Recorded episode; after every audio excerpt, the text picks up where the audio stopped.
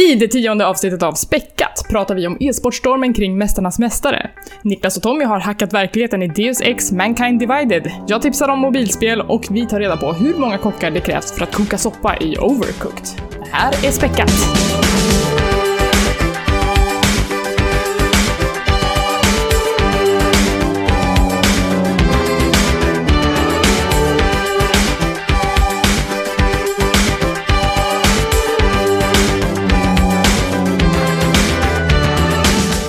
Hej och välkomna till Späckat, din spelpodcast i speldjungeln. Jag heter Elisabeth. Jag heter Niklas. Och jag heter Tommy. Hej! Hej, Vad fint att höra er igen. detsamma. Lika härligt varje gång. Mm. Hur har ni haft det? Eh, jag har haft det bra, ska jag säga. Det är ju tvåsiffrigt nu. Har ni tänkt på det? Avsnitt 10! Wow! Vad har vi på spel och tvåsiffrigt? Final Fantasy? Fantasy 10. När alla fick röster. Har det börjat gå Ja, ut just för. det. Ja. Niklas, du är lite sjuk. Ja, jag börjar tappa rösten istället. Så det, Åh nej. det finns något samband där. Men jag har täckt upp med snorpapper här så lyssnarna kan vara lugna. Mycket bra. Det ska gå bra.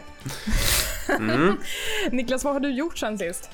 Ja, nej men eh, vi gjorde ju en grej tillsammans allihopa. Eh, eller, eller rättare sagt att jag och Tommy närvarade på ett av dina eh, event, Elisabeth. Ja. Eller rättare sagt Stockholm e-sports eh, event för Overwatch, eh, Atlantic Showdown. Visst var det Ja. så det hette? Ja, Eh. precis. Arrangeras av ESL. Ja men exakt. Och det ägde rum då på O'Learys i Gamla stan och var ett väldigt trevligt arrangemang, måste jag säga. Trots att jag som novis inte kan någonting om Overwatch så tyckte jag att det var väldigt roligt. Ni, ni satt ju med där och var extremt pedagogiska och för, förklarade eh, i alla fall liksom grunderna i det här eh, spelet. Och sen så tyckte jag det var jättekul att det var ett Europa versus USA upplägg. Då kunde man ju Lite som, sig. lite som du snackade om ju i eh, OS-avsnittet, att du gillar ju när USA får på moppo. Precis. Tyvärr, eh, tyvärr så satt vi inte kvar till finalen började så jag vet inte hur det gick sen.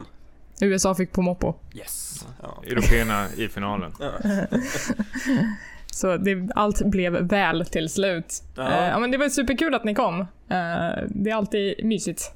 Jag måste tillägga också, jag tyckte det var otroligt, det här var ju mitt första event som jag varit på. Eh, och det, var otroligt eh, bra eh, uppstyrt. Det var ju inte bara massor med eh, tv-skärmar man, man satt och tittade utan ni hade ju quiz och allting sånt där. Man, man kände sig otroligt välkommen där folk på Stockholm e-sport som jobbar som tog emot den och ja. Fem plus faktiskt. Ja, vad glad jag blir. Det är ju precis det vi strävar efter. Ja. Jag tänkte på en sak bara som jag måste fråga om. För det är, när jag och Tommy var på väg dit så eh, stötte vi på ett gäng eh, fotbollshuliganer. Nej, det var det inte. Det var väl fotbollsfans bara. Göteborgs fans och eh, Bayern fans som skulle göra upp eh, på Tele2 Arena lite senare. Alltså då fotbollsfans. Eh, har det hänt att så att säga vanliga sportsfans har irrat in sig på fel sektion på O'Learys och undrat vad fan är det här för någonting? Absolut, det har hänt flera gånger. Då. Eh, den allra största clashen eh, tror jag var när vi var på O'Learys 12 och höll i de svenska kvalen till ISF-turneringen. Då tog vi dessutom dit spelare som satt och spelade i lokalen. Liksom. Och då eh, följde det sig som så att eh, det var hemmamatch på eh, vad är det, Tele2 som ligger där i 12 Just det.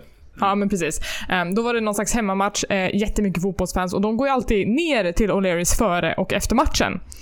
Eh, och då så kommer de in där och ser att det är typ något e-sportsevenemang och den krocken, eh, den var ganska maffig. och, och just att de kommer in och ser att, men gud, här sitter de ju och spelar också. Så det var många som kom fram och frågade lite, det var nog lite så här syrliga kommentarer men det var många som så här kände igen att deras barn spelade och sådär. Så att jag tycker att eh, attityden har kanske blivit bättre och bättre för varje gång. Alltså, när jag började gå på Barcraft 2011, då kom det ju folk och sa “Jag trodde det här var en sportbar” och vände i dörren. Eh, nu är det inte riktigt lika nu är det inte riktigt lika otrevlig attityd mot e-sporten utan den, eh, folk börjar veta mer och mer vad det är för någonting. Den har blivit accepterad. Ja, vill, jag, vill jag ju återkomma till det ämnet strax i och med Ja, att e-sport kommer in i Mästarnas Mästare. Men eh, Ja. till att börja med eh, måste jag ju fråga hur eh, du mår, Elisabeth? Ja, men jag mår bra. Sen sist så har jag också varit på den här e-sportbaren, men jag hade också en liten... Jag måste ju backa lite på det jag sagt i tidigare avsnitt, för att jag har ju varit lite anti-VR och har avfärdat det som en fluga. Jag blev bjuden av en kompis som är indiespelsutvecklare eh, som ville att vi skulle komma upp och provtesta hans spel. Eh, som han och några kompisar hade satt ihop på en game jam. Jag tror att det kanske är den där stora game jammen som var i Örebro om jag inte har helt fel. Eh, den här demon heter Toran och, eh, och gänget som har utvecklat det heter Original Win och det är ett pusselspel. Eh, där man, där man står liksom i en grotta och man ska rikta olika ljusstrålar till olika positioner för att lösa, låsa upp liksom olika delar av ett pussel.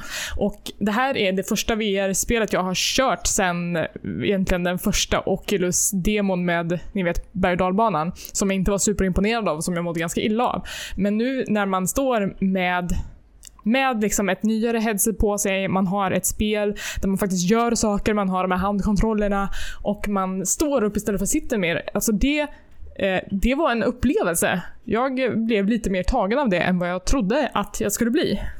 Eh, Så jag eh, känner mig lite mer optimistisk inför det här med VR alltså. Jag skulle vilja köra mer.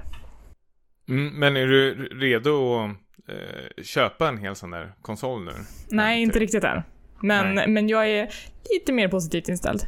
Ja. Uh, och kul att, liksom att se vad, vad indiescenen gör och liksom hur de experimenterar med det här mediet. Uh, och Det var också kul att liksom ställa sig frågan, liksom, är det svårt att utveckla till det här? Det var det tydligen inte, utan det finns mycket plugins som är väldigt, uh, väldigt anpassade för VR, så att det är tydligen ganska lätt att komma igång med. Så det är ju kul, för att då kommer vi få se ganska spännande grejer framöver. Eh, jag hoppas att det här blir en eh, genre som kommer slå väldigt stort, men att det kommer bli billigare att och skaffa de här jävla stora, dyra konsolerna och att det ja, exploderar lite roligare spel än vad det finns ute på marknaden nu i alla fall. Ja men precis. Men eh, alltså den, eh, det vi kallar för immersion, alltså den immersionen i det här spelet. Mm, jag var nog inte beredd på att det skulle vara så bra. Ehm, så att, ja, det var superhäftigt. Det, Du b- börjar skrika eller? nej, det var inte läskigt så, men det var, jag stod ju liksom bara wow, wow, Ja, men wow. börjar skrika. Ja men, Wow! ja men liksom att det här rummet som jag stod i helt plötsligt var enormt. Det var något helt annat än det där pyttelilla kontoret som vi stod i. Eh, ja, det, det lurar verkligen hjärnan. Coolt. Hur känner du för skräckspelen då, som vi pratade om för Ja, nej, aldrig i livet. Ja. Niklas som vi kastar in i det där rummet. Oj, oj, oj. Ja, så det, det är typ det häftigaste jag har gjort sen vi hördes sist. Eh, hur är det med dig Tommy? Det är helt underbart. Jag har varit kulturell faktiskt för några timmar sedan. What? Ja, jag har Berätta. varit på museum och inte vilket museum som helst. Jag fick en eh, liten VIP-inbjudan till det här eh, spelmuseet som det heter, som är i Stockholm vid eh, Rådmansgatan. Känner ni till det här? Jag, har, alltså, jag hade inte hört talas om det förrän typ den här veckan när folk började säga att gud, det är invigning på torsdag. Jag bara, vad är det för invigning på torsdag? Eh, så det har verkligen kommit från ingenstans för mig. Mm, ja, men det var lite nytt för mig också. Det var en kompis som är och eh, arrangerade. Eh, det är ju ett gäng från Reset Media som har tagit tag i det här och pysslat med det under en eh, längre tid. fick jag reda på. Så det är ju en eh, källare där på eh, Markvartsgatan 2, har jag för mig att det är. Ja, precis vid Rådmansgatan.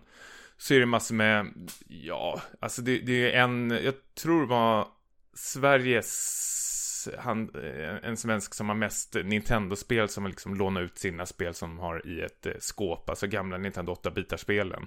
Som man får titta på. Så det är lite på, eh, om spelskapare, står lite information om till exempel Kojima och eh, Tetsura Nomura. Eh, det är något rum man kan prova olika spel. Det var något jättestort rum med en jättestor skärm där man fick sitta och spela Final Fantasy 14. Det var lite konstigt att man fick sitta och spela det online-spelet, men eh, jag vet inte. Det, det var en, stor soffa, men det är väl tanken att man kanske ska köra något annat eh, beaten up-spel där, något liknande. Men, eh, och så var det en liten, en liten affär där du kunde köpa lite grejer. Jag köpte liksom Mario, Super Mario Bros eh, 1-magneter eh, man sätter på kylskåpet där man får bygga sin egen eh, bana. Lite Mario Maker fast med magneter. Min fru vart helt tokig, så hon tog den på direkten. Så nu sitter hon i köket och latchar med det där.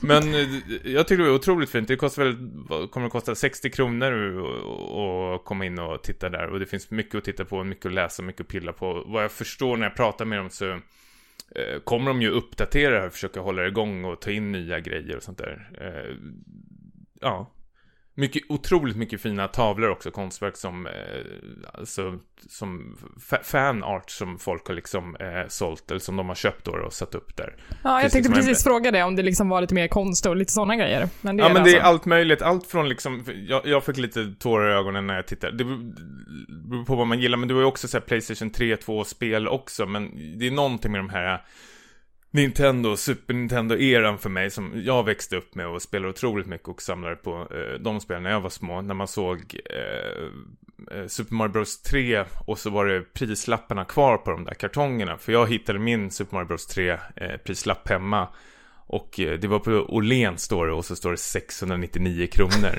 och eh, man kan ju tänka, då måste man ju tänka tillbaka också att det här är ju 93 eller när här kom Super Mario Bros 3. Så det var ju otroligt dyrt på den tiden. Och vilka jävla föräldrar man hade som köpte det där till ändå. ja men verkligen. Så det, sen hittade jag Niklas eh, Final Fantasy 3 eh, förpackning till Super Nintendo, Final Fantasy 6 då, då ja, som det. Tobias Bjarneby har snott. det var väldigt mycket sådana här, eller kändisar, men eh, recensenter och sånt där som man har otroligt mycket uppmärksamhet för, som jag började prata med. Jag pratade med Tove Bengtsson. Jag sa, ursäkta, Alltså, när jag skulle gå förbi, för jag vågade inte säga någonting, men jag skulle gå förbi, men det var så, det var ju, jag vet inte, två meter, tre meter bakom hennes rygg, men jag kände att jag var tvungen att säga någonting, så gick jag, ah, ursäkta. Så, ja, så, ah, det, det är okej. Okay. Så, ja, jag pratar med Tove Bengtsson, känns bra. Hon har ingen aning vem jag är. Och det förstår jag, inte ens mina föräldrar vet det. Men jag, jag tycker det här var otroligt kul eh, och bra initiativ faktiskt.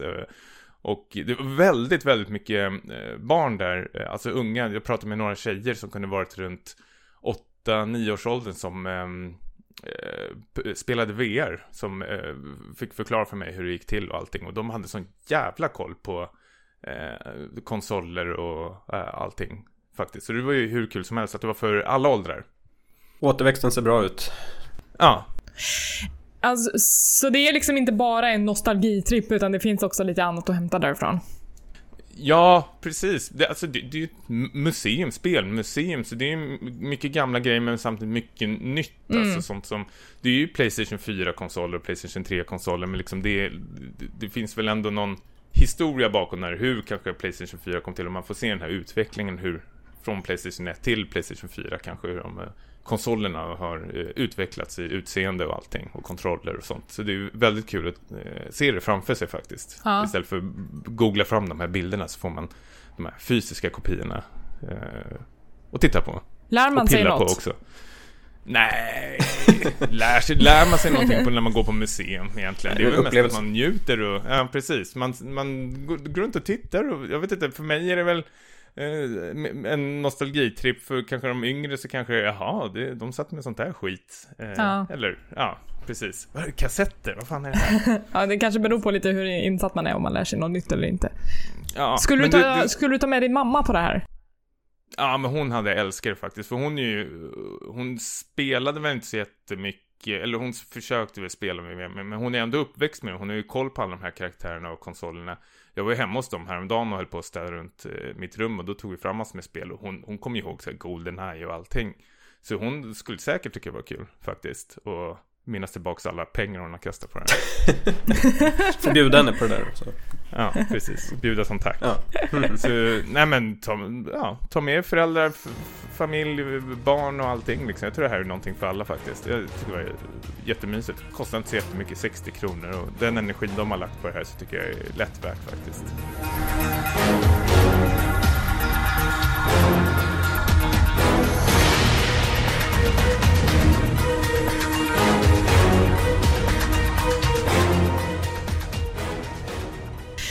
Eh, hörni, som vi sa innan, vi kanske ska prata lite om den här e-sportsbomben som har slagit ner i nästan alla medier.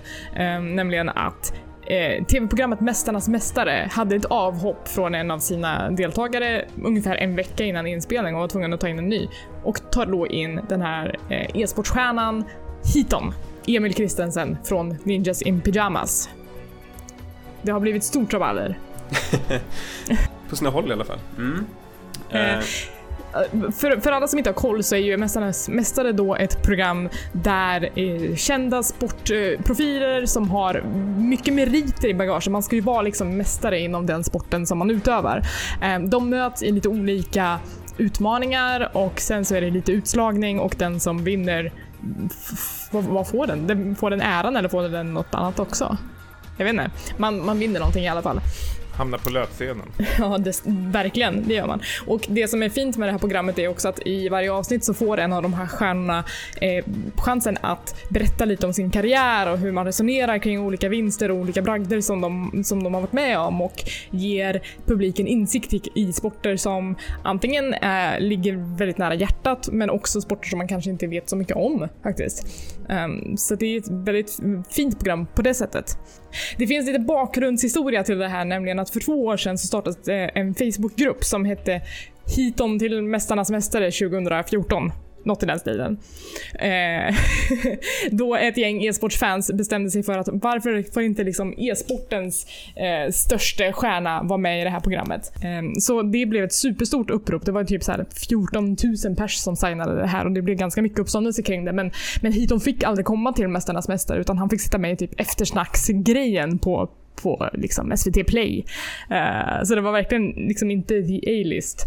Uh, och, och sen så liksom uh, la sig den där debatten lite grann. Men nu när, när det här avhoppet kom så sa SVT att nu, kör, nu gör vi det, nu tar vi in Hiton. För att han är den enda som tydligen kan hoppa in på så kort varsel. Uh, så det, det var vad som hände och sen så har det nu blivit lite reaktioner på det här där tidigare deltagare i Mästarnas Mästare har blivit arga, tweetat om det och sagt att är det här verkligen en sport? ja, jag, jag, jag, eh, förstod ju också beklagar. att, att... Ja, jag beklagar mig över det här. Nej, men jag förstod ju direkt att det, vissa skulle bli provocerade av att e-sport kom in i Mästarnas Mästare. Och eh, jag såg att Expressen försökte dra igång något drev genom att raskt sätta ihop en så här gubbpanel av gamla deltagare som fick då tycka till. Fast de var ju liksom förvånansvärt klarsynta ändå. Det var ju typ Thomas Ravelli och, och Glenn alltså, Hussein. Glenn, Glenn Hussein var ju bäst. Ja men han var ju bäst. Han, han sa ju kort, kort, eller liksom bara Är han en mästare, då ska han väl få vara med i programmet. Det var liksom ja. inte svårare än så. men, men den som hade haft mest högljudda protester var ju då den här ishockeymålvakten Tommy Söderström som skrev några tweets. Um, där han uh, ondgjorde sig över det här. Uh, Expressen ringde upp honom och gjorde en hel artikel om det här. Han är typ en citatmaskin. Han sa ju typ att det, här, det är samma sak som att hitta Nemo-fisken skulle tävla i Guldbaggen.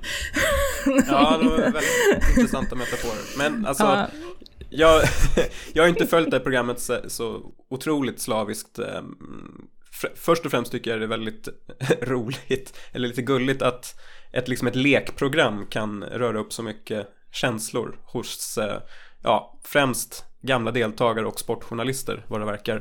Eh, men sen börjar man också tänka på det här med hade den här diskussionen om det är en riktig sport och så vidare. Eh, för några säsonger sedan så var ju eh, Kenny Bräck, den här racerföraren, han var med. Eh, och då börjar man liksom tänka motorsport och e-sport. Är det så stor skillnad? Han manövrerar ett fordon medan eh, Heaton manövrerar en karaktär med tangentbord och mus. Det, jag tycker det liksom är... Äh, det, det, är dags nu.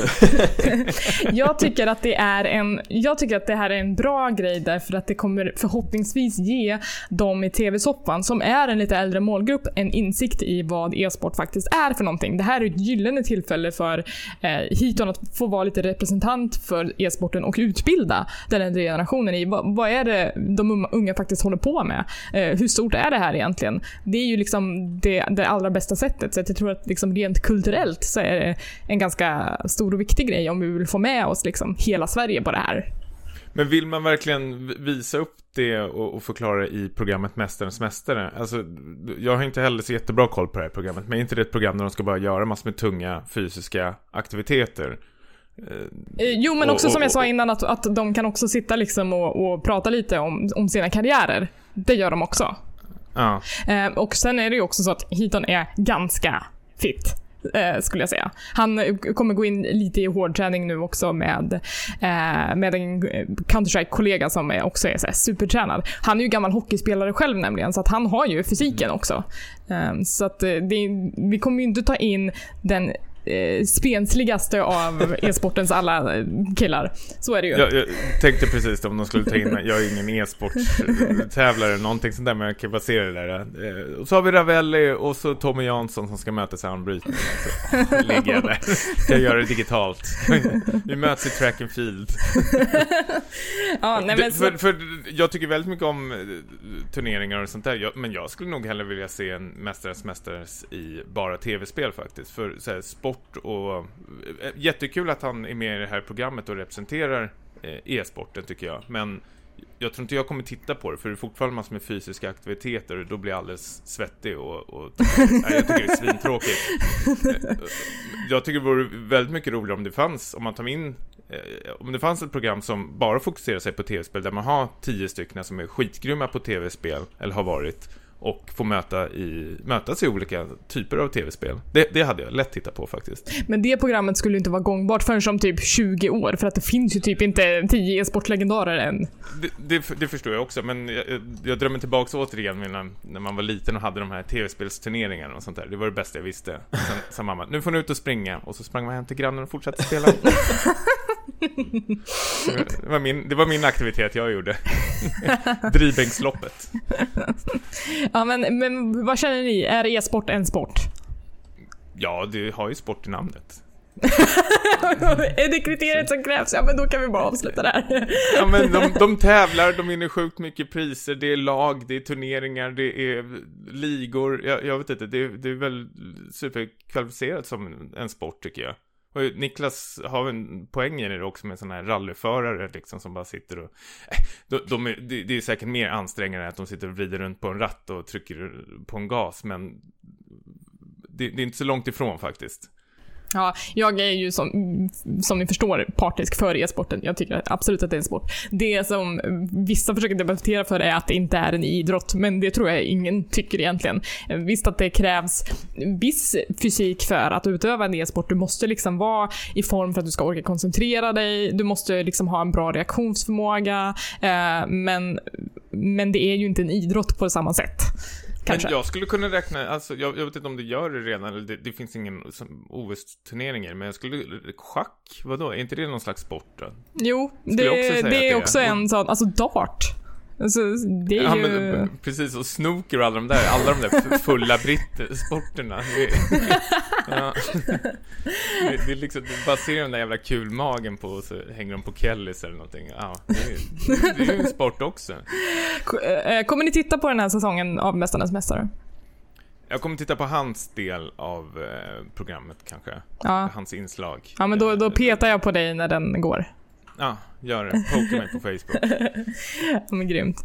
Hörni, vad har, vi, vad har vi spelat för någonting då? För nu, har vi, nu har vi pratat lite om vad som händer, men, men det har ju varit lite spel också. Jag har spelat jättemycket de här senaste två veckorna. Ja, du, du utlovade ju en recension av Bound, har jag för mig. Ja! Ska vi, dra, vi tar den först. Gör det. Ehm, så jag spelade Bound. Jag tror att vi pratade lite om det här på E3-avsnittet om jag inte har helt fel. Då vi fick se en trailer av det här spelet som utvecklas av Santa Monica Studios. De har ett annat spel bakom sig som jag inte har spelat och jag kommer inte ihåg vad det heter nu heller. Ehm, men grejen med det här spelet var ju att eh, protagonisten dansar ballett. Och det såg otroligt, otroligt fint ut på trailern. Det är liksom snygg, ganska platt grafik, eh, osar lite journey om det, eh, stämningsfull musik, hela det där köret. Det såg så otroligt vackert ut på trailern. Eh, så att jag var superpepp på när det här gick upp på, på Playstation-butiken. Sen så var det kanske inte riktigt det som vi hade väntat oss. Jag tror att det är ganska många som inte är så här super, äh, superimponerade av det spelet. Om man ska förklara vad det går ut på så är det en plattformare som den här ballerinan då ska dansa sig igenom. Man, eh, man hoppar, man klättrar, man svingar sig eh, upp och ner på eh, sådana här fina band och man, det finns liksom lite störande element i de här plattformsbanorna eh, som, som man måste ta sig ur med hjälp av olika danssteg. Eh, sen så Eh, de här olika banorna, de här olika plattformsbanorna är väldigt uppdelade i, i så här olika segment och mellan de här segmenten så får man också se en en verklighet kan man säga. Att den här ballerinan representerar eh, en, en person i kanske hennes tankevärld på något sätt. Eh, och då får man se liksom hur hon går runt i det verkliga livet och sen så tar man sig in i de här drömvärldarna. Och det som uppdagas under spelets gång, utan att säga för mycket, är att hon gör upp med olika händelser i hennes förflutna. Um, så att det finns en story i det här spelet. Det, och den är väldigt jordnära, det handlar mycket om så här familj och sådana saker. Inte, det är inte storslaget utan det är verkligen de här små sakerna i livet. Um, och det kan jag tycka är superfint. Visst, visst, är det så att man kan spela de här banorna i valfri ordning och liksom därmed lägga pusslet eh, lite som man vill? Ja men absolut, så är det. Alltså du får välja, du får välja liksom i en liten skissblock som hon har på sig, vilken, vilken sida du vill ta dig an härnäst. Så att det får man absolut välja vilken ordning man kör dem i. Um, Problemet, som, alltså det finns mycket problem med det här. Dels så tycker jag inte att man utnyttjar ballettelementet eh, på rätt sätt. Man har liksom lagt ner supermycket resurser på att motioncappa en riktig ballerina eh, som utför de här stegen och sen överföra det in i spelet. Eh, men sen när man faktiskt ska utöva de här olika stegen så har det ingenting med liksom att matcha rytm med musik att göra. Ehm, de, man tappar nästan momentum när man gör det snarare än om man skulle springa och ja, jag vet inte, det blir inte supermycket flow av det. Um, osynk? Låter som. Ja, alltså det, jag tycker det... Jag, jag, hade velat att det skulle, man skulle få ett flow, ni vet som när man kör typ Mirror's Edge och man får till de här, alla de här hindren på en bana och man bara flyger fram. Det är ju så man tänker sig att det ska bli när man, när man ska naila en kombo. Men istället så känns det som att man bara bromsas ner när man ska, när man ska göra det här. Så att jag tycker att det är ett väldigt förlorat tillfälle att man inte gjorde balletten mer mekaniskt relevant i gameplayet.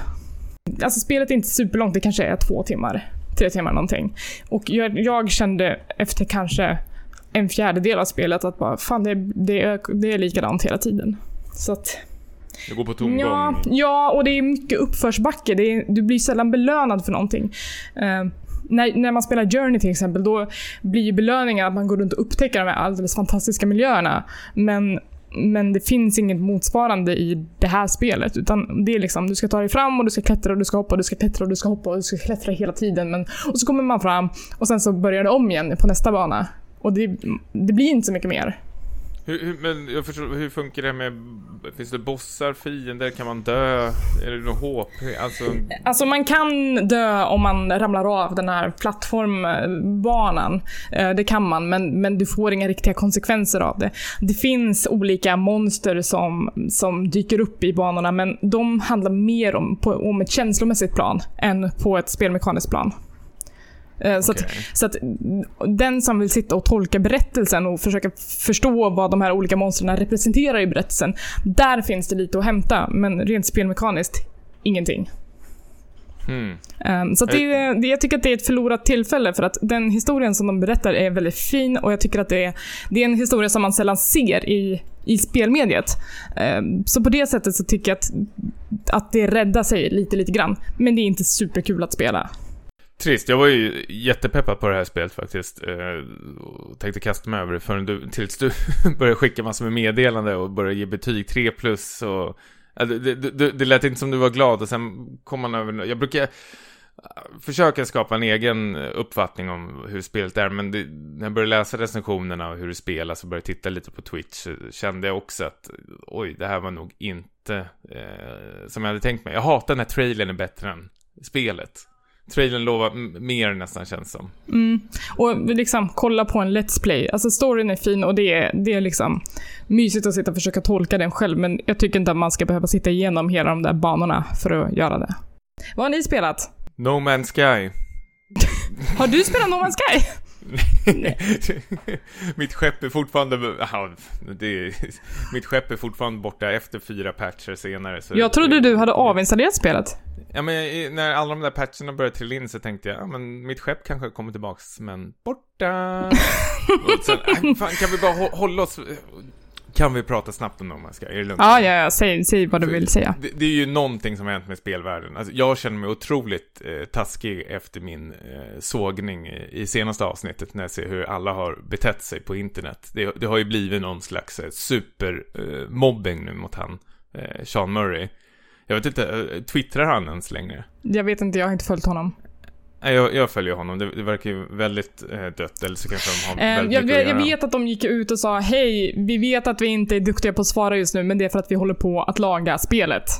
Eh, Mm. Det var ju det senaste man hörde ifrån dem i princip. Och det tycker jag är en helt godtagbar förklaring för att det, det var ju så mycket problem i början. Ja, precis. Och det, man har ju märkt eh, på Twitch som det mest andra populära spelet, när jag kollade nu senast så låg det väl typ ja, 50 60 plats eller någonting. Men det är ju inte roligt att titta på.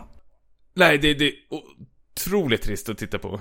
De hade väl tappat typ 80-90% av sina spelare liksom. Men, men så, så, sånt där tycker jag är så, så otroligt tråkig tråkiga nyheter. De, eh, det är typiskt så här Gamespot och IGN, eh, amerikanska IGN som drar sådana här eh, små videos som de gör så här. Visst nu, nu har de tappat 80% att de nästan eldar på de här eh, hatet eh, ännu mer. Och då var det väl någon som hade tagit fram någon research att liksom, men hallå, Metal Gear Solid och eh, andra storspel tappar också så här mycket. Alltså, Mm, det ju går så- ju det väldigt det snabbt funkar. i början. Ja, ja, men precis. Det här, är- det här är ju inga nyheter. Det är sånt som händer i, i spelvärlden. Alla åker ner snabbt som fan eh, när det kommer till sales och allting. Så det, det, det, det- jag vet att det blir lite så här konstig eh, speljournalistik där känner jag. För att de eldar ju på det här eh, hatet mot eh, Hello Games eh, ännu mer faktiskt. Och det, det tycker jag verkligen inte de förtjänar. Jag, jag tycker inte om spelet men eh, ba- bara för det behöver man inte bete sig som en jävla idiot faktiskt. Och Nej men det har ju varit mycket drama också. Alltså, dels att eh, de här fansen, eller före detta fansen kanske man ska kalla dem nu, att de beter sig som mobbare. eh, och att nu när IGN Sverige postade en recension där recensenten gav spelet 9,9 av 10 i betyg. Så kom det jättebra in... recension var det också. Ja, för att, för att han motiverade verkligen varför han kände att det var 9 av 9 och det är helt okej med, även om jag inte håller med. Men det att det kom in så här folk och bara ni får betalt av Sony för att skriva så här. Alltså de var helt alltså, orimliga i sin kritik mot den här recensionen och tyckte att det var liksom eh, att han borde typ sättas i fängelse för att han har satt det här betyget och man bara lugna ner er. Jag tyckte han bemötte de här äh, hatiska ko- kommentarerna otroligt äh, snyggt faktiskt. Ja. Eh, och- Aron och Westerberg Ringhög heter han. Schysst, eh, vad sa du? Aron Westerberg Ringhög heter han väl tror jag. Precis, Alltså vi ja. creddar rätt person här. Ja, så eh, nej, men han bemötte de här vidriga kommentarerna väldigt schysst och på en sansad nivå men ändå så fick han tillbaks, jag, jag vet inte, folk verkar ju helt tokiga bara på ett eh, betyg. Vad fan, skaffa en egen uppfattning och skriv det i en egen blogg eller podcast eller någonting sånt där. Det här det ska vi inte påverka er.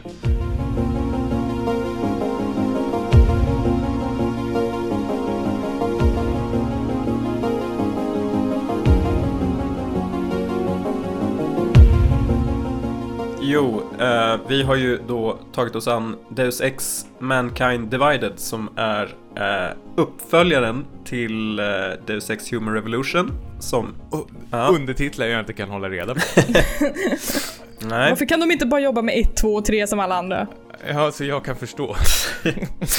ja, men det var väl lite så att Human Revolution var en nytolkning eller en nystart av den här spelserien som började i början av 2000-talet. Och då var det Ion Storm som gjorde det. Nu är det alltså eh, Eidos Montreal som eh, ligger bakom spelet.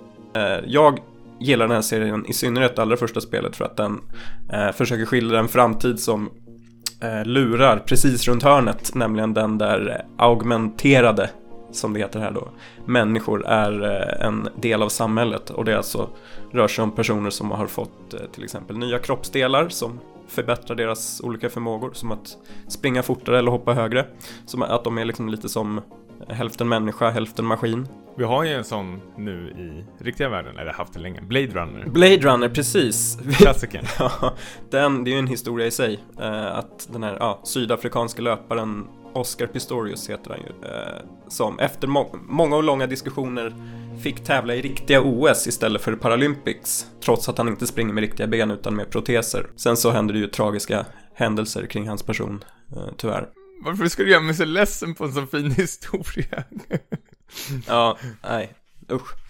Men eh, nu är det då dags igen och eh, eh, Eh, om man har spelat Human Revolution så tror jag att man kommer känna igen sig ganska väl. Det i sig tyckte jag var en uppföljare som jag gillade skarpt för att den vågade göra sig av med sånt som kanske inte funkade så bra i det gamla spelet men man förvaltade samtidigt arvet då från Ion Storms eh, klassiker. Eh, och eh, storyn i korthet är att man, precis som i Human Revolution, spelar med den här augmenterade agenten Adam Jensen som håller på att nystar upp konspirationer i sin egen organisation. Samtidigt som han hjälper människor han stöter på ut på gatan med sina olika problem. Tommy, vad eh, är dina tankar så här långt? Uh, ja, jag, jag, är inte lika stort fan uh, som du är till den här uh, spelserien. Human Revolution spelade jag till första bossen, sen kastade jag mig själv in i tvn nästan kändes som. jag, jag var ju svinförbannad på det här. De tog in något extra team som fick göra de här bossfighterna. Ja, och det var, det var ju bara, det, helt plötsligt förvandlades spelet till någon slags shoot em up-spel och, och, man var, jag vet inte, jag var helt såhär, vad är det som händer? Och man bara stod och sköt, sköt, sköt, sköt och tömde ammo och då kände jag det här är inte alls kul. Men nu har de ju tydligen fixat det, men jag har inte orkat eh, ta upp det. Utan, ja, lagt kort ligger nästan. Mm. Surgubbe som jag är. Men visst, jag har varit lite Eh, smått peppad på det här ändå och eh, har spelat nu i cirka ja, snart 10 timmar. Det jag kommer på mig själv är att det är väldigt många grejer. Cyberpunk, eh, hur, hur känner du för det? Eller hur känner ni för det? Um, det, är, det, är, en svår genre, alltså det, det, blir ju lätt ganska, ganska lökigt men, men overall positivt. Ja, alltså jag, jag tycker överlag att vi inte är så bortskämda med bra uh, science fiction cyberpunk-historier. Uh, och Deus Ex har ju också lite så här rollspelselement uh, till sig som jag kan uppskatta. Det känns lite som uh, en shooter för tänkare, lite som Half-Life när det kom. Mm. Uh, Nej, men jag tänker mer miljömässigt och mm. sånt där. Jag, jag tror jag är... För, för oftast när folk pratar om sci-fi och eh, cyberpunk så drar man ju alltid paralleller till eh, Blade Runner. Att det här är Blade Runner-influerat och hit och dit. Och jag, jag älskar Blade Runner-filmen men jag älskar nog den mest för atmosfären. Alltså att de är det här gamla, eller Hongkong-liknande eh, staden. Eller vad utspelar sig Blade Runner någonstans? Är inte det Los Angeles som liksom har bara skiftat form och blivit någon typ Precis. av... Precis. Ja. Som är väldigt influerad av eh, Hongkong här för mig. Ja, precis. Mm. Och eh, det är samma sak när man tänker på de här eh, Akira och eh, Ghost in the Shell. Att det är väldigt mycket den här, det är också cyberpunk-filmer men det utspelar sig liksom i asiatisk miljö som jag uppskattar mycket mer. Eh, för att den är nog mer sällsynt för mig än den här cyberpunk-miljön som utspelar sig i Eh, västvärlden som jag tycker är eh, ja, väldigt, jag vet inte, det känns uttjatad. Eller har jag fel? Jag, jag, jag kan nästan se alla liksom former, att det, det är liksom kopierat varandra år efter år nästan. Mm, alltså jag kan känna, eh, det förra spelet, då var man ju huvudsakligen i eh, Detroit och Shang Shanghai, vilket eh, var ju de här typiska cyberpunk-miljöerna väldigt mörkt. Det var nog inte en ljus miljö i hela spelet, vad jag kan minnas. Men här i Mankind Divided så är man ju i princip bara i Prag. Vilket jag tycker känns som en eh, trevlig omväxling. Och det, det, är väl lite mer, för min del så för tankarna till eh, City 17 i Half-Life 2 där när man kommer till tågstationen på något sätt. Precis, och det är återigen det här att du, du, du ska ta igenom massor med pass och de, det är den här eh, rasismen mot de här eh, eh, som springer runt med prote proteser, vad heter det nu? Au... Ågs. Ågs, precis. Uh, och jag vet inte, jag tycker ju om det samtidigt så känner jag, börjar sucka lite och, och, känner typ att det här har jag ju sett tusen gånger, precis som du nämnde, Half-Life 2 har ju också någon liknande uh, öppning, när man ska liksom slussa sig igenom uh, olika tullar och allting sånt där. Eh, och det, det, känns inte så jättespännande och Prag som stad tycker jag är väldigt kul val. Jag har ju själv varit i Prag och älskar den staden, men det känns inte som Prag när jag är där. Det är, samma sak gäller när, när du ska göra de här uppdragen och smyga runt. Jag, jag får en otrolig ehm, eh, klaustrofobisk känsla i hela spelet. Att det, det, känns inte som brett och så mycket valmöjlighet, valmöjligheter som spelet vill en, eh, att man ska ha. Att ofta så är det någon ventilation som man ska springa igenom, hacka någon dator och Alltså det, det, det, känns väldigt utstakat om alla de här vägarna man ska ta. Jag, liksom två, tre stycken känns det som. Men alltså, jag tänker på Metal Gear Solid 5 som känns eh, en, väldigt fritt när man skulle smyga runt och ta över de här små baserna. Och sen nu, visst det är ju inte jättebra spel det, men just smyggrejen i Metal Gear är ju perfekt tycker jag. Ja, det blir, det blir för sig lite olika kan jag tycka i och med att Metal Gear är så otroligt öppet. Har de öppna miljöerna medans när du har en stad, jag kan tycka att det är svårt att eh, att inte få det att kännas lite trångt på sina håll. Och jag tycker väl, alltså nu har inte jag spelat lika länge som dig, men att eh, det finns olika val. Att eh, olika valmöjligheter, olika eh, vägar in i eh, bevakade hus och högkvarter. Att man kan, kan, kan gå via kloakerna eller ventilationstrummorna. Eller satsa på att liksom bara skjuta sig igenom. Mm. Eh, men det är ju oftast de tre. Och om du inte uppgraderar till exempel någon ability att du kan lyfta tunga saker så kan du inte hitta den här eh, hemliga genvägen eh, genom väggen där de har satt ett kylskåp av någon konstig anledning som blockerar den. Och då blir du ju tvungen att ta den här eh, kloakvägen eller skjuter igenom. Att du, du blir nästan tvingad, vilket gör mig otroligt förbannad. Eh, att spelet inte förvarnar en att liksom att man måste gissa sig fram vilka abilities man ska ta för att kunna få så många eh, roliga liksom, valmöjligheter för att liksom, infiltrera sig in i det här kontoret eller vad det nu kan vara. Mm.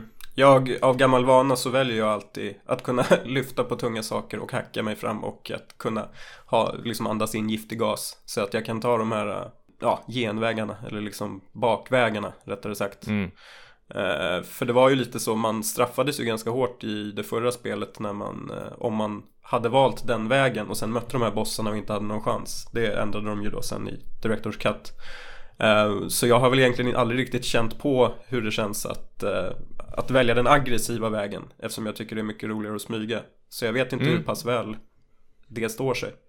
Nej men det, det uppmuntrar en att, att smyga runt, det, det, håller jag med om. Det, det är ju så jag vill spela också, så, så gott det går. Eh, men det, jag vet inte, jag, jag, tycker till exempel inledningsuppdraget är när man är i Dubai. Jag älskar den här känslan då, att den här globetrotter-grejen, att man, det är nästan så de säljer in det i början, att man ska liksom resa runt och, och till olika världsdelar. Men det här Dubai-uppdraget som någon slags jättelångt tutorial mission känns otroligt, eh, jag vet inte, slätstruket. Det, det finns inte så jättemycket att, att göra där faktiskt. Nej. Nej, men det kan jag väl hålla med. Eh, jag blev, jag blev mest förbannad på de här små tutorial-grejerna som kommer fram och tipsar och säger hur man ska spela och vilka knappar man ska trycka på och allting. Det, det känns att det är för invecklat för sitt eh, eget bästa.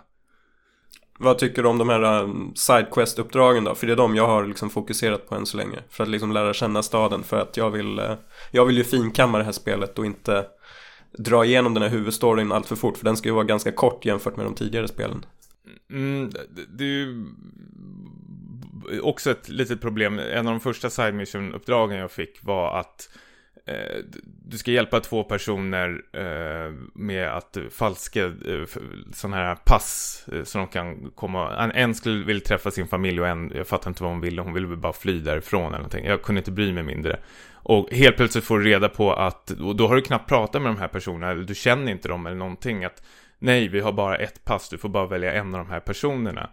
Och jag känner på direkten att jag har inte lagt, det, det, har inte varit någon större side mission och du har inte fått lärt känna de här två personerna och vet inte var de kommer ifrån. Du har ingen bakgrund, du har bara bytt några snabba rader med dem. Så då känner jag att liksom, ja men, Ole Dole Doff, jag väljer dig och jag bryr mig inte egentligen faktiskt. Och det, det är väldigt synd faktiskt. Det, Deus Ex skulle må bättre av sådana där uppdrag och ta sin tid att man lär känna de här karaktärerna i, i ett lite längre side mission och sen när du vet mer om dem då får du göra det här tunga valet men när det kom så snabbt och plötsligt så var det inte alls något svårt val för mig utan jag bara skickade iväg en och en fick stanna mm. hmm. Eller? Ja, jo men det låter väl rimligt Jag har inte kommit så långt Men ja Nej vad, vad tror du Elisabeth? Är det här något för dig? Jag undrar om det går att hoppa in i den här serien utan att ha spelat de två första spelen du får ju en otroligt lång eh, introsekvens på 12 minuter eh, som, där du känner att oj, jag har inte missat någonting. jag, jag, jag, tycker storyn i det här spelet är nästan under all kritik. Jag, jag är inte, det, är, det är lite konspiratorer och konspiration och eh,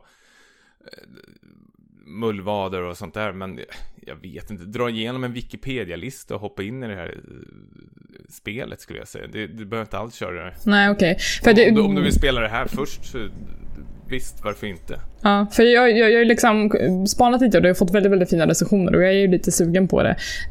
Efter, men jag har ju en sån enorm backlog. Uh, och varför jag har det kan vi prata om en annan gång. Men Eh, någonting som jag har reagerat på är att eh, det är många som säger att det här spelet försöker behandla rasism utan att faktiskt nämna rasism no någon gång. Hur tycker ni att det ter sig i det här spelet? Det kan man ju säga direkt att Eidos Montreal hamnade ju i lite blåsväder eh, innan spelets släpp. Eh, noterade ni det i deras marknadsföringskampanj? Nej. Eh, att det var för de här ågsen då, det är de som är förtryckta så att säga. Och eh, då var det bland annat en eh, reklamaffisch där eh, ett gäng ågs gick med någon typ av poster där det stod Åg Lives Matter. Ah. Som då är ett, ett riff på såklart Black Lives Matter. vilket de fick kritik för och det var väl ganska rättmätig kritik kan jag tycka. För det, det kändes väl lite som att de försökte att man försöker rida på äh, aktivism som kanske är... Ja, och försöka få sitt spel att verka mer aktuellt eh, liksom än vad det är. Att de försökte åka snålskjuts. Och det, då, ni tycker inte alls att det gjordes på ett bra sätt med andra ord, eller? I, I spelet eller den där kampanjen? Nej, i spelet tänkte jag främst. Jag tycker det är lite för lätt, som sagt, återigen med de här äh, passgrejerna och man måste väl liksom vara, tillhöra en viss kategori för att kunna liksom komma igenom, eh, alltså, alltså till de finare kvarteren och allting sånt där. Jag, det, det, känns lite skrivet med vänsterhanden faktiskt. Jag, jag, tycker det kan göras på mycket bättre, och, eller det kan säkert göras på mycket bättre och intressantare sätt faktiskt. Eh, det här, det, har vi inte sett det här förut Niklas? Du som älskar sci-fi så otroligt mycket. ja men... Äh... Nej men den här rasismen mot här, robotar och allting, att de behandlas och så till sist kanske exploderar till någon slags singularitet eller något liknande. Vi har ju hela den här iRobot-grejen och sånt där. Jo men jo absolut, men eh, jag tycker inte att det har gjorts så bra alla gånger. Jag tycker ju Deus Ex-spelen är de som liksom går i frontlinjen för det här. Och om man tänker, det allra första spelet var ju väldigt banbrytande när det kom. Och eh, som sagt, Mankind Divided kan ju inte riktigt överraska på samma sätt som jag tycker Human Revolution gjorde. Men eh, det är just den här kom kombinationen med en eh, hyfsat välskriven story och den här eh, ja, RPG-elementen och att du kan utforska lite, lite som du vill. Och eh, som jag tycker är liksom det som är tilltalande.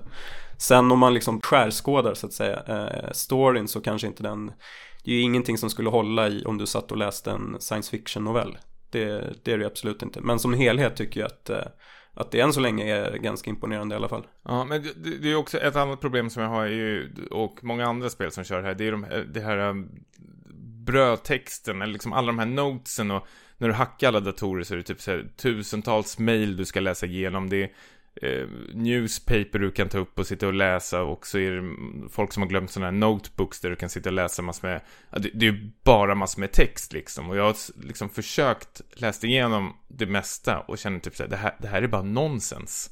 Det, det, här är ju så otroligt trist att läsa så jag har liksom slutat liksom plocka upp dem där och, och läsa dem för jag känner det, det ger ingenting liksom. Det är väl en av fall av liksom 20 i sådana fall att det står något intressant. Ja, men det är väl för de som verkligen vill läsa precis allt. Jag tycker än så länge i alla fall att det har fyllt i luckorna lite mellan det som har hänt i förra spelet och det här spelet. Och då tycker jag väl det är lite bättre. Alltså den här 12 minuters introgrejen, det är ju en valfri eh, recap kan man säga. Jo, men för de som inte har spelat de tidigare spelen så är det väl, eh, det, det är väl mer till dem antar jag. Och den river ju av storyn som det vore ett plåster nästan, att det, det Först åkte jag hit, visst det, det, är väldigt svårt att sammanfatta ett spel faktiskt, men det, det känns så otroligt konstigt, den här, den här sammanfattningen faktiskt. Vä väldigt, eh, jag vet inte, det hittar inga ord för det, men det, det känns det, känns som de själva, de själva inte har koll på storyn, de som skrivit den. Um, har ni förresten testat det här tillhörande mobilspelet Deus Ex Go? Det tror jag mer på. är det Eftersom sant? jag, jag gillar Hitman Go, så det, det, det kanske ska börja spela det istället. Nej, men det, det här är ju inte ett dåligt spel, nu får det låta som det... Ja, för jag har ju bara läst så här raving recensioner. Du är ju den mest negativa jag har hört. Ja, men jag, jag tycker man måste ta ner Deus Ex till marken igen faktiskt. Det, har fått lite för bra eh, kritik för sitt eget bästa faktiskt. Eh, så jag, jag sätter luppen på det. Summa summarum. Eh, rekommendation. Ja, men det, det är ju ett helt okej eh, stealth-spel faktiskt. Eh, för, ja, helt okej.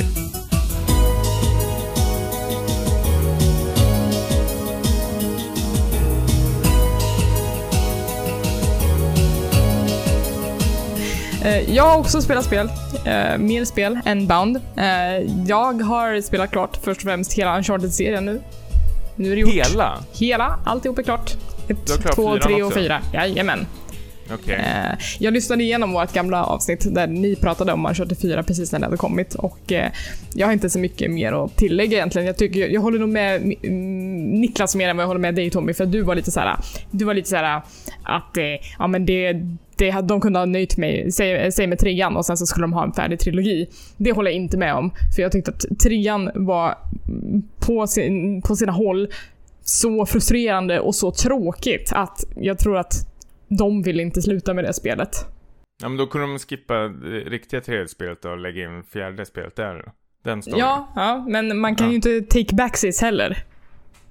Jo, tillbaka till framtiden Ja, nej men jag tyckte att det var superfint. Jag tycker att eh, det som har varit eh, roligast med att spela igenom hela Uncharted-serien är att man ser verkligen hur eh, Naughty Dog har gjort sin läxa inför varje spel. Att, de, att det som jag störde mig på i ett spel är liksom fixat i nästa spel.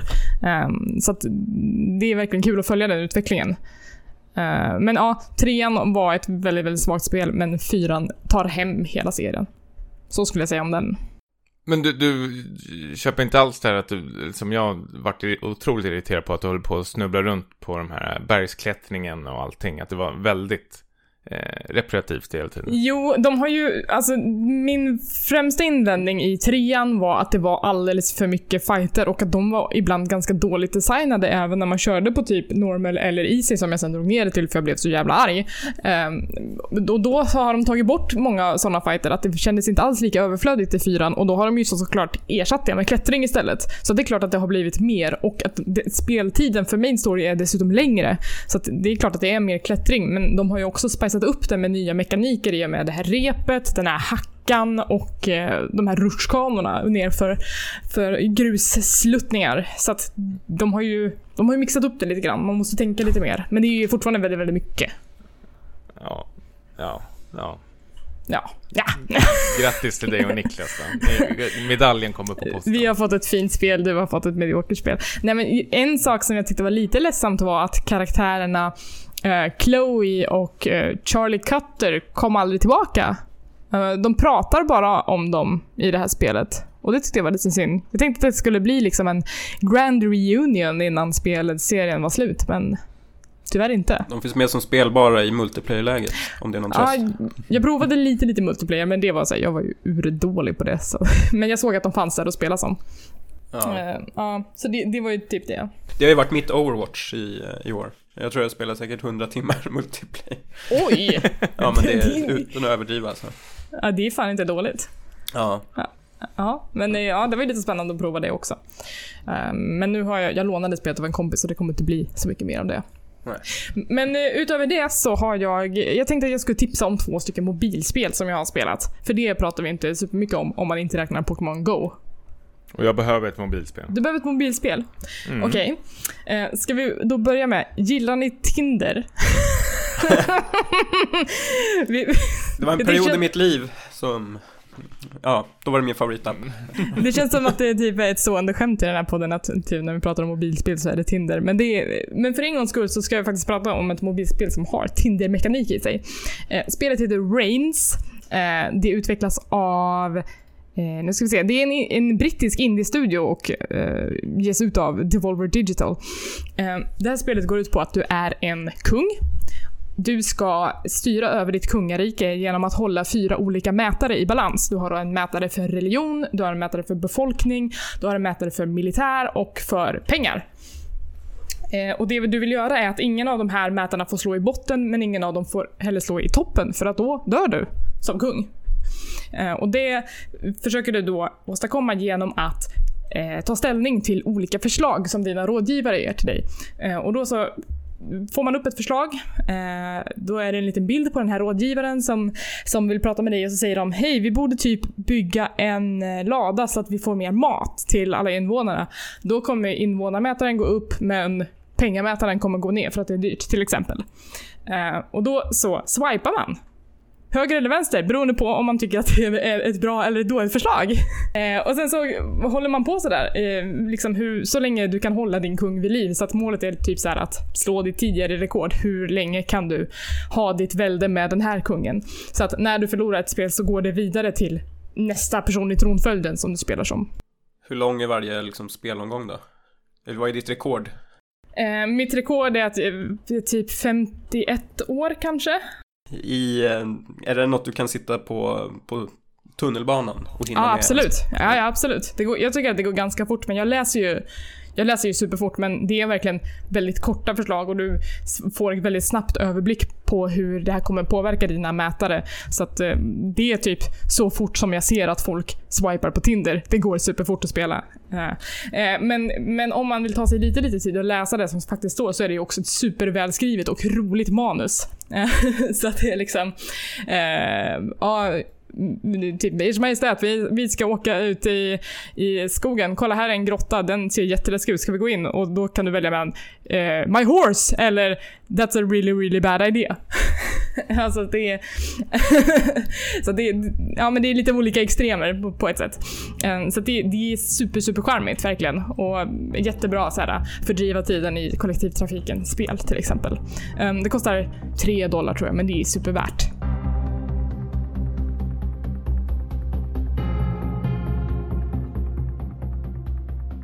Eh, har ni sett serien Mr Robot? Om vi har! du, gillar ni den eller? Ja, jag gillar den. Tom är väl mer skeptisk. Som vanligt. Ja. Fan, har jag blivit den nu? ja, det har du. Ja. eh, eh, vad tycker ni om eh, Telltale? Älskar. Ja. Niklas tycker sådär. Sådär. Ja. Ombytta roller. Eh, och vad tycker ni om Night School Studios som utvecklade Oxenfree? Älskar. Bra. Niklas hatar. Nej, det är, det är bra. Det ja, kan vi vad, vad tycker ni om de här tre i kombination? Ja! det här låter ju underbart. Skämtar du eller? Nej, det är sant. Eh, Night School Studios har eh, i något slags samarbete med Telltale, Telltale tagit fram ett mobilspel till Mr. Robot som ska funka som en liten brygga mellan säsong 1 och säsong 2 som jag tror går just nu. Det här är en superspännande liten app, det är ett ganska kort spel. Eh, den går ut på att du har hittat en telefon på gatan. Du bootar upp telefonen i din egen telefon så att det ser ut som ett telefoninterface. Eh, och du börjar få märkliga meddelanden från folk som vill att du ska göra en massa saker åt dem. Eh, ganska likt premissen i tv-serien Mr. Robot att eh, den här huvudkaraktären Elliot blir eh, till synes väldigt eh, oförberett upplockad av ett hackergäng som tycker att du ska göra det här tillsammans med oss. Och lite samma sak är det i den här appen. Att det är, det är ett gäng som hör av sig och bara du måste göra det här för du har den här telefonen. Det är för sent att vända om. You gotta do it. Ehm, och det är en, um, det är en superspännande app och jag tycker det är konstigt att det inte sådana här spel har gjorts tidigare. Um, liksom att du, du startar en telefon i telefonen. Uh, och du får en story via den. Och du svarar ju på de här meddelandena med hjälp av olika dialogval, precis som du gör i till exempel Oxenfree. Uh, så att du kan styra konversationen åt lite olika håll. Det, det, påminner, det, det finns ju ett liknande eh, spel faktiskt till eh, oj, iPhone eller iOS, eh, Android finns det säkert också. Lifeline, om ni känner till det. Nej, jag har inte hört talas om. Ja men då är det liknande att, fast då sitter du på en, oh, det var länge sedan jag spelade här nu, men en rymdstation och så är det en eh, astronaut som har fastnat på en planet och så har du någon kommunikation med den här, med den här personen och du ska försöka hjälpa henne eh, och, och, klara sig och ge massor med tips, typ eh, undersök det här eller spring åt det hållet och sånt där. Att ha en ständig liksom, konversation hela tiden i telefonen.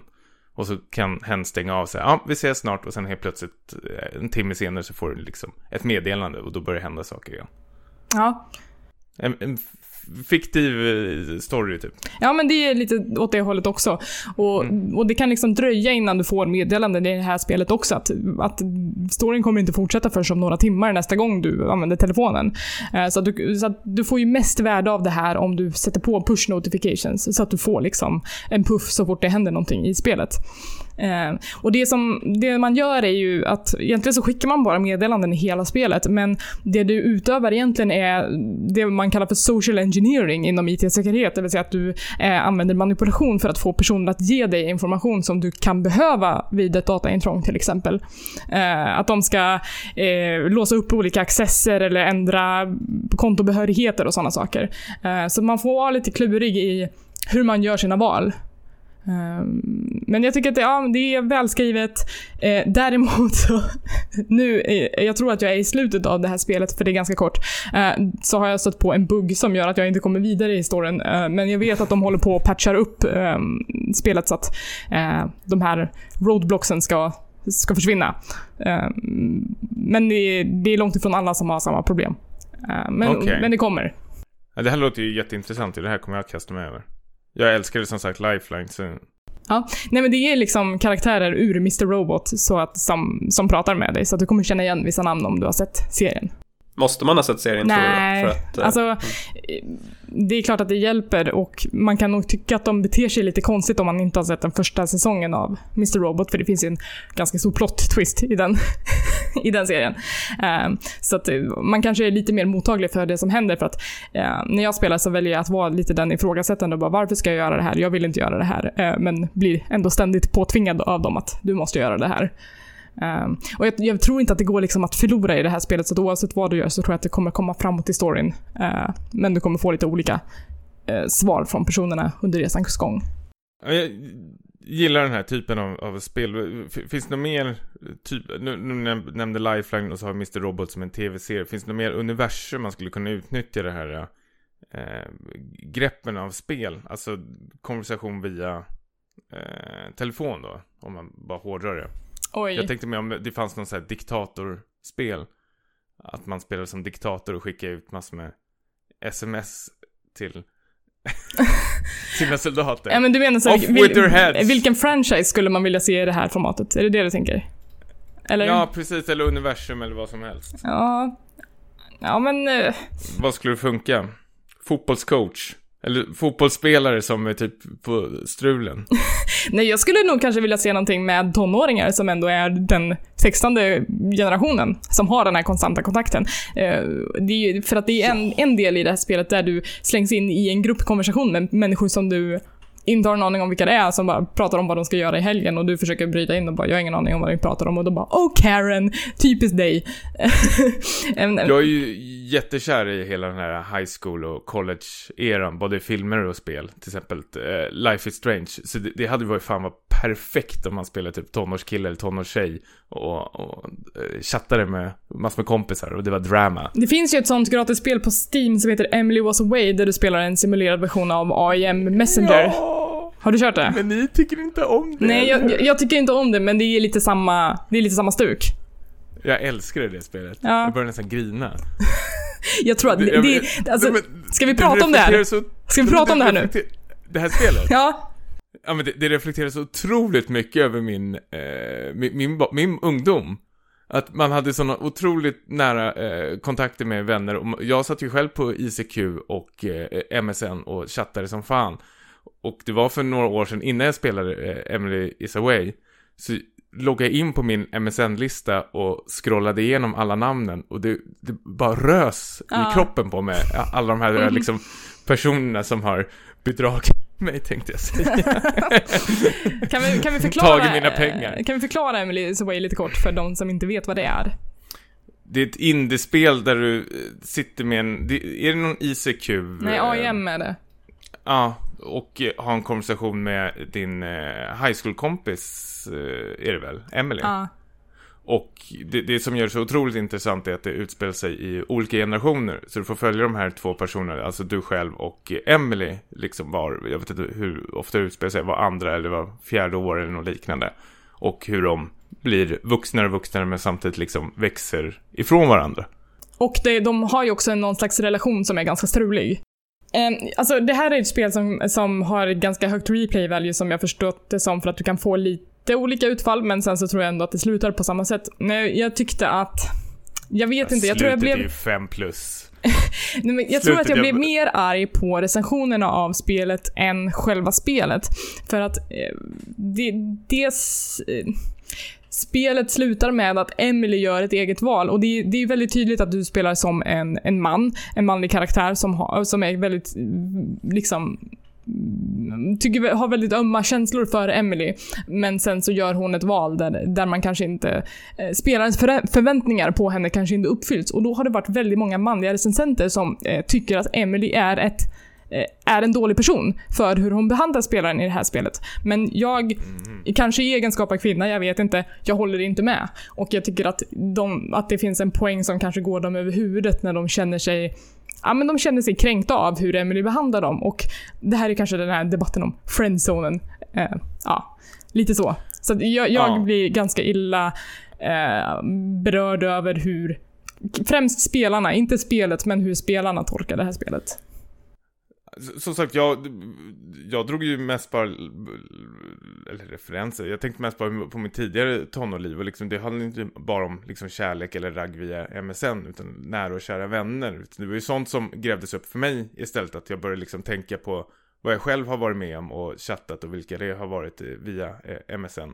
Jag, jag, jag vet ju att Niklas introducerade mig till någon tjej som bodde högt upp i norr jag aldrig träffat henne, men jag pratade med henne på MSN i två år och sen helt plötsligt slutade vi prata med varandra.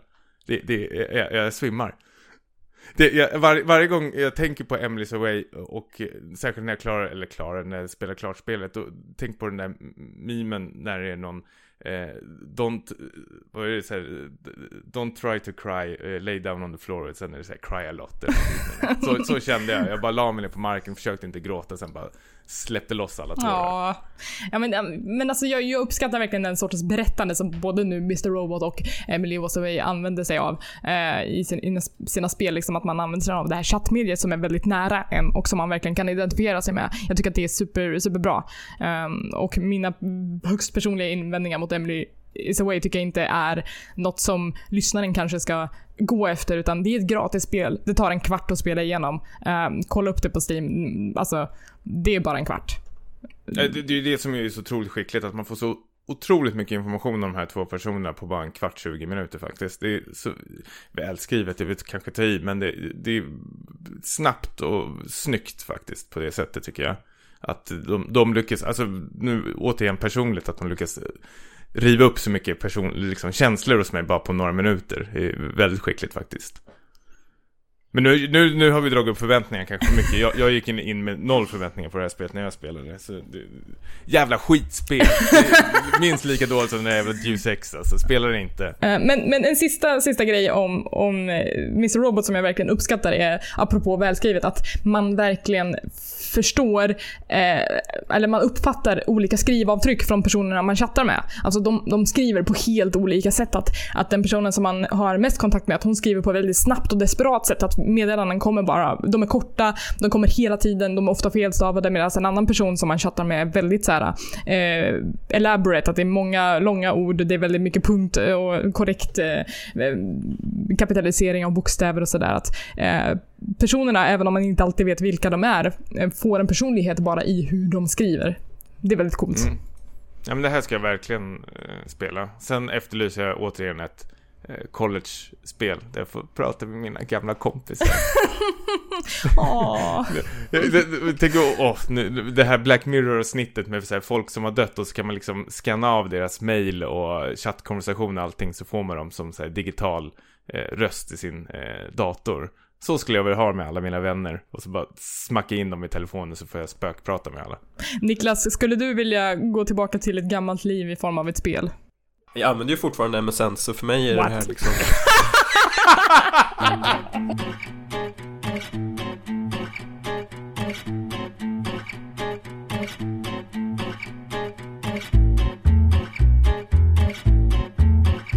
Oh, ska vi prata om ett sista spel som jag vet att vi alla har spelat? Mm. Innan vi knyter ihop den här säcken.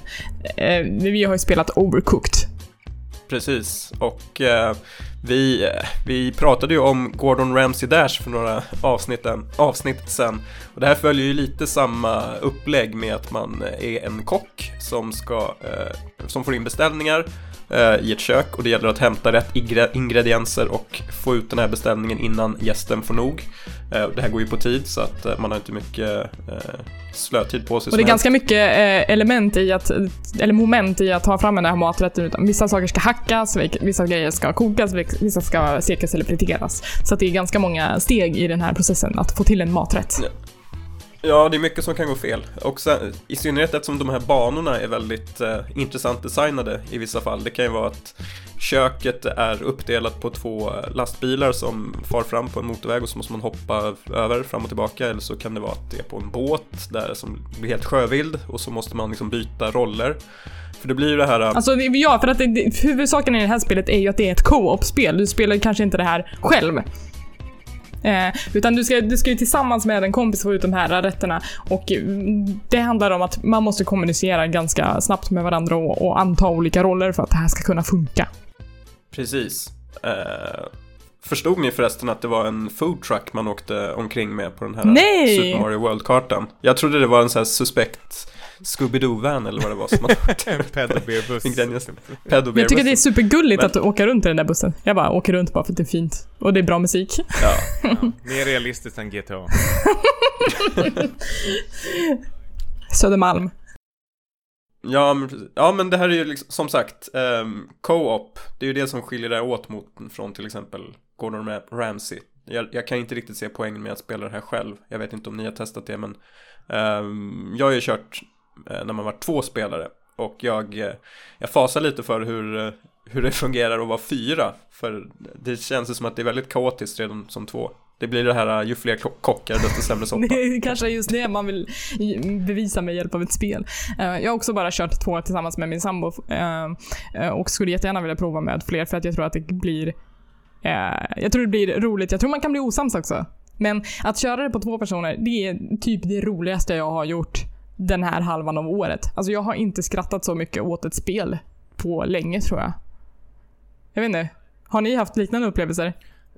Jag- det, det här spelet har gjort eh, otroligt eh, succé här hemma. Min, min fru är ju väldigt duktig på sådana här eh, typer av spel där man ska, ja, men, många bollar i luften. Management. Eh, Ja, hon, hon spelar dem som fan och är otroligt duktig på att göra dem. Så ska jag komma in med det här spelet, ladda ner det, tänker så här, men nu har vi något spel tillsammans och det tar väl 10 sekunder för hon börjar liksom kasta liksom ordrar på mig och eh, jag, jag har hackat fel, jag har stekt köttet eh, fel och allting, allt är bara fel och hon är bara frustrerad, vi får spela om och så skriker hon till sist, diska, diska. Diska, för det, det märker jag hon att det, jag, jag kan. Så det, det slutar med att hon får steka kött, hacka grönsaker, ta orderna, slänga in dem. Min, min uppgift i det stora hela är att ta tallrikarna, diska dem, lägga upp dem fint eh, till henne så hon kan ta hand om det. Och hon fixar det helt själv. Hon är hur grym som helst. Hon har sån jävla koll på vad som händer, vilka order. Och hon skriker, hon lever sig in i den där eh, branschen, den där scenariot liksom och säger Okej vi behöver tomat, sallad, eh, bröd, nu, nu, nu, nu! Hon, hon blir helt jävla tokig, det, det är riktigt diskbänksrealism hemma just nu. Men, eh, Alltså jag ser ju framför mig, alltså när ni ska ha någon typ av bjudning och att det så här kan gå till i ert kök. ja men då slänger jag in i diskmaskinen och trycker på on och sätter mig på toaletten. Jag Ja, undrar om det är någon slags könsroll man hamnar i eftersom jag också har suttit och skrikit DISKEN! DISKEN för fan! Åt min sambo. Ja, det ter sig naturligt. Det kanske, jag vet inte. Ja, men vi är väl slöa och korkade och eh, klarar inte av allt det här samtidigt liksom. Och jag, jag var väldigt lugn med, okej, grönsaker, då fixar jag det där. Min fru höll ju på. Hon säger, det här tar för lång tid. Du måste kunna liksom ta fler grönsaker och du måste tänka liksom långsiktigt hela tiden. Ta inte en grönsak, ta fem och lägg upp dem. Typ såhär, nej jag skulle ta en i taget, nu är vi klara med den orden, pling. Eh, samtidigt som hon kanske satt med tre stycken samtidigt och, och fixade. Alltså hon Men- låter ju hardcore, hon låter ju mycket bättre än vad vi har åstadkommit här. Ja, men det, det blir det är mycket skrik. Jag, jag får ju ta en Ipren. Hon, hon, hon, det är ju hot och allting här hemma. Nej, men vi, vi har skitkul eh, tillsammans när vi spelar. Det är perfekt co-op-spel faktiskt. Eh, med din partner eller kompis eller vad som helst. Och vi har också bara spelat två som eh, mest, men jag längtar faktiskt till den dagen vi kommer spela fyra. Det, det tror jag verkligen perfekta kaoset. Jag älskar sådana här typer av spel där det är bara kaos överallt. För det är det påminner väldigt mycket om det här Helldivers, där man också skulle eh, koordinera varandra och hjälpas åt och man var tvungen att prata hela tiden vad som hände och det, det bara slutade med kaos att vi körde över med varandra med bilar och allting. Och det, det blir ju väldigt kul, det, då känner jag liksom att skit i samma om vi inte klarar det här uppdraget, det är liksom upplevelsen som är eh, viktigast här och det har de verkligen lyckats med faktiskt. Att eh, Ja, ja, själva momentet liksom. Vi, vi spelar inte alls för att klara spelet utan det är liksom själva banorna som är roliga. Ja, men det var ungefär allt vi hade för idag, men vi har också fått ett lyssnarmail under eh, tiden sedan förra avsnittet. Ja, eh, det här kommer från Joakim som säger Hej! Tack för att ni gör den här podden. Så himla mysigt upplägg med musikinslag och stämningen mellan er tre. Gör mina måndagar mycket mer uthärdliga. Släpper på måndagar. eh, Han kanske lyssnar på måndagar. Ja, man får lyssna precis när man vill. Ja. Eh, det fortsätter. Jag vet att Niklas och Tommy gillar Final Fantasy-serien och undrar vad de tror om remaken till Final Fantasy 7. Och har Elisabeth läst några Warcraft-böcker och i så fall vilka? Har diskuterat med en vän om hur spel skulle kunna vara framtidens medium för storytelling, då en kan få en story samtidigt som en kan interagera. Så vad tror ni om framtida spel, hur det berättas och integreringen kommer förändras? Hjärtliga hälsningar från Joakim Stålbrand. Det var Oj, tre frågor på raken. Ska vi börja med den första då? Vad tror ni om remaken till Final Fantasy 7? Uh, nej, jag, jag, tror att den kommer eh, floppa tyvärr på någon, av någon konstig anledning. Jag, jag, det här episodformatet de kommer släppa i känns redan där väldigt skeptisk. Och att en episod kommer vara lika stort som ett vanligt spel. Det här, det här låter ju som ett jävla monsterprojekt som eh, Tetsura Nomura har tagit igen. igen. Och om man känner honom väldigt väl så kommer han väl sabba det här också. Ja, nej men eh, vi eh, älskade väl det här när det kom. Som alla andra. Eh, alltså Final mycket. Fantasy 7 har ju någon slags så här, gudastatus i min vänskapskrets. Um, folk är helt orimligt besatta av det. Men för min del så har jag aldrig känt något behov av att spela om det. För jag, för jag, liksom, jag inser ju att det är omöjligt nu med den här remaken då att Final Fantasy kan inte Sju kan inte göra samma avtryck på en eh, Niklas som har blivit 20 år äldre. Det, det kommer såklart inte gå. Utan jag, jag, känner väl att de som ser allra mest fram emot det här är de, de här nostalgikerna som vill eh, återuppleva magin från eh, pojk eller flickrummet. Och att jag tror de kan bli gruvligt besvikna. Tyvärr. Alltså för hur, hur pajigt 15 som nu kommer i november eller vad det är hur pajigt den ser ut så, så är det mer intressant på något sätt för att det är ett blankt papper. Eh, men en remake, det är kul att det kommer men jag kommer inte spela. Men jag som inte gillar Final Fantasy överhuvudtaget, tycker ni att jag ska spela Final Fantasy 7? Är det värt? Eh, det gamla eller det, det här nya episodbaserade? Ja, eller vilket, vad tycker ni? Vad tycker ni? Ja, ja men hur, hur mycket vet du om... Ja, du ska spela det gamla, men hur mycket vet du om det utan att spoila någonting? Jag vet att någon dör jag, jag tänkte dra en rolig eh, an, an, anekdot hur, hur, den personen dog, men, men den, den sparar vi kanske då. Ja, gör det. Jag ska inte spoila för mycket. Ja, vi får se om jag tar mig an det. Jag, jag är som sagt inte stort fan av serien. Um, om vi går vidare till nästa fråga. Uh, nej, jag har inte läst några Warcraft-böcker. Jag har bara läst Starcraft-böcker. Uh, om du har ett bra tips på en Warcraft-bok som jag kan börja med så är jag supertacksam. Jag försöker ju verkligen få grepp om Warcraft-låren för den är så enorm. Jag har missat några av de gamla Warcraft-spelen och jag har absolut missat WoW från Vanilla och framåt. Um, så liksom, när, inför till exempel Warcraft-filmen och jag skulle försöka få liksom, en, ur ett svar av min sambo, bara, vad är det som har hänt? Vad ska jag ha koll på? Han bara, eh, it's a long story. så att, mm. eh, gärna tips på hur man kan komma in i Warcraft på ett bra sätt. Det verkar till och med krångligt för Blizzard, eh, de som jobbar på Blizzard, eftersom den här Red Shirt Guy fick ju komma in och rätta på någon äh, gammal Blizzcon. Och de håller på och retconnar liksom saker och gör time travel så bara nej det var inte alls så här, nu är det så här istället. Så att ja, det, det är ju en salig röra. Det är det.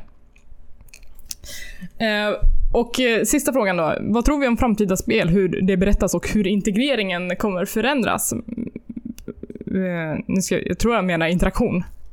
kan jag säga. Mm. Ja, det är väl inne på VR-grejen där kanske. Ja, men det är ju definitivt en sak som förmodligen kommer spegla sig väldigt mycket i, i spelen. Uh, men alltså, som vi snackar om nu i Mr. Robot eh, och Emily's Away, alltså den sortens berättande skulle jag tycka var superintressant att se mer av i framtiden. Att det blir mer att man försöker simulera en verklighet som, som den vi lever i. Mm. Uh, via sms då tänkte du? Ja men alltså det är ju en sån samtalsform som vi mm. använder mm. oss av idag. Att spel kommer mer ta klivet ut i den augmenterade verkligheten som den har gjort i Pokémon Go och som den kanske delvis gör i den, de här eh, sms-baserade berättelserna. Mm. Eh, sånt tycker jag är superspännande men jag vet inte om det kommer bli en stor grej. Jag vet det närmaste man har kommit är väl de här Tamagotchi-grejerna nästan känns som. Alltså där folk har verkligen tagit hand om någonting och integrerat med någonting och ja, ömmat för, för någonting. Eller? Ja, ja kanske. alltså det, det, jag känner är att spel utvecklas ju hela tiden och, och går vidare så vi kommer säkert se jättemånga eh, intressanta och nya eh, avstamper som kommer komma eh, inom några år. Men sen kommer även det eh, tyvärr också bli gammalt och eh, gå vidare till nästa steg. Så det, det är jättesvårt att, att säga vad som kommer Eh, Eh, ja, hur, hur, framtiden ser ut. Men det kanske handlar lite om att vi kanske kommer att skapa historier tillsammans med våra medspelare. Att det kanske, eh, jag vet inte, jag lyssnade på ett sommarprat med Alexander Bard av alla människor där han pratade om att vi rör oss in i en slags kollektivistisk era där, vi, där liksom kollektivet och de sakerna man skapar tillsammans är mer värt än vad individen gör. Ehm, så det skulle vara kul att liksom utforska mer hur ett kollektiv av spelare kan berätta historier tillsammans och skapa nya berättelser. Jag tänker att det kanske var lite det som folk hoppades att No Man's Sky skulle bli, men som det inte blev eftersom det faktiskt inte fanns en multiplayer-integrering. Mm. Uh, ja, men kanske något i den stilen skulle jag tycka var ganska intressant. Uh, ja, jag, tror, jag tror väl som vi var inne på att VR är framtiden när man har fått ordning på spelen och gjort det mer tillgängligt. Det här med att man verkligen kan uh, sätta sig in i en annan karaktärs eh, sinnesstämning och röra sig i eh, liksom, realistiska miljöer. Att det inte bara är i spel utan även i typ e-lärande och sånt. Att det kommer bli mer standard. Eh, men jag tror det är ganska många år bort förvisso. Jag, jag tycker om man är intresserad av sådana här frågor så är det eh, kan, ett tips är att titta på de här Black Mirror eh, avsnitten. Då finns det väl ett avsnitt som eh, tar upp något liknande här när man ska samla sådana här points i olika spel och sånt där för att sitt liv ska kunna gå vidare och man det, det, blir någon slags valuta i livet också. Har ni hört om, lite... förlåt, eh, det, har ni hört om att Kina har en sån grej på gång? Nej. Eh, det är typ så att, jag vet inte hur, hur verklighetsförankrat det här är, men att, att Kinas regering håller på att utveckla ett socialt medie där man kan samla poäng för att vara en god medborgare. Och att det också ska finnas någon slags så här, att man kan ange andra om de är dåliga medborgare och då också eh, få att man kan bli belönad för det och den andra blir straffad. Det låter lite farligt. Ja, det, det, låter, det låter superfarligt. Eh, och, men det kan också bli en ganska verklig verklighet för medborgare i Kina. Och att man då, om man har mycket poäng i det här sociala nätverket så, eh, så kan man liksom få fördelar i samhället. Eh, att vissa liksom, förfrågningar går fortare och sådär. Ja, liten eh, parentes att det, det, något sånt har i alla fall pitchats. Jag vet inte hur, liksom, hur säkert det är att det kommer vara aktuellt. Farligt säger jag. Ja. Det finns en anledning varför de tog bort dislike-knappen i på Facebook. Vadå, har det funnits än? folk ska få... Vad sa du? Har det, få, har det funnits än? Ja, det har det. Eh, och ge ut negativa poäng till människor, det, det kommer bli någon slags eh, samhällsmobbing eh, låter därifrån där eh, populära människor får mycket poäng och mindre populära får mindre poäng säkert. Mm. Det kanske är så. där sp spelen är på väg. Vem vet? Ja, precis. salty salty. Ja. Ja, ja. Det... Äh, intressant, vi kan ju sitta med här hur länge som helst faktiskt och spekulera. Ja, men... Men det är bara framtiden som kan avgöra. ja, verkligen. Tack så mycket för ditt mail Joakim. Superkul. Eh, om man vill mejla till oss, hur får man tag på oss då? Ja, då mejlar man såklart till späckatpodcast.gmail.com 2C1D. Eh, vi finns också på Twitter och Instagram, där heter vi späckatpodd. 2C1D där också. Just det. Och hur kom, kontaktar man oss personligen? Eh, till exempel med, om man vill komma med tips eh, till mig om vilka Warcraft-böcker jag ska läsa eller hur, hur jag ska få grepp om den här låren på bästa sätt. Då kan man höra av sig till mig på Twitter, eh, där heter jag Hangry Eli, eller på Instagram där jag heter Hangry Spice. Niklas då? Eh, Niklas Lundqvist på Twitter och eh, One Niklas på Instagram. Och Tommy?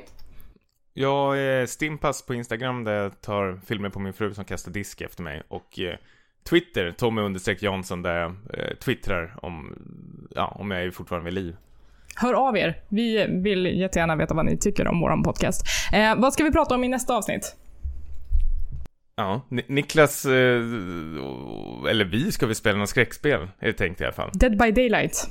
Dead by Daylight. Niklas nerver ska sättas på spel. Spelet som alla har, eh, för alla som har drömt om att döda sina kompisar.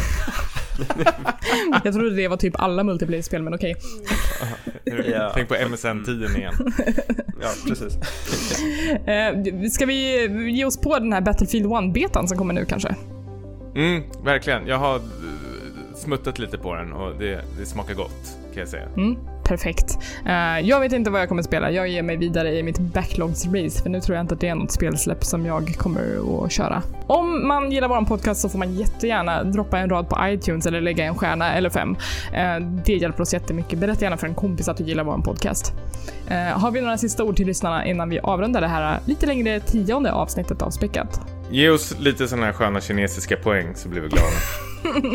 vi är goda medborgare, vi lovar. mm, ha det så fint, så hörs vi nästa gång. Hej då. Puss puss.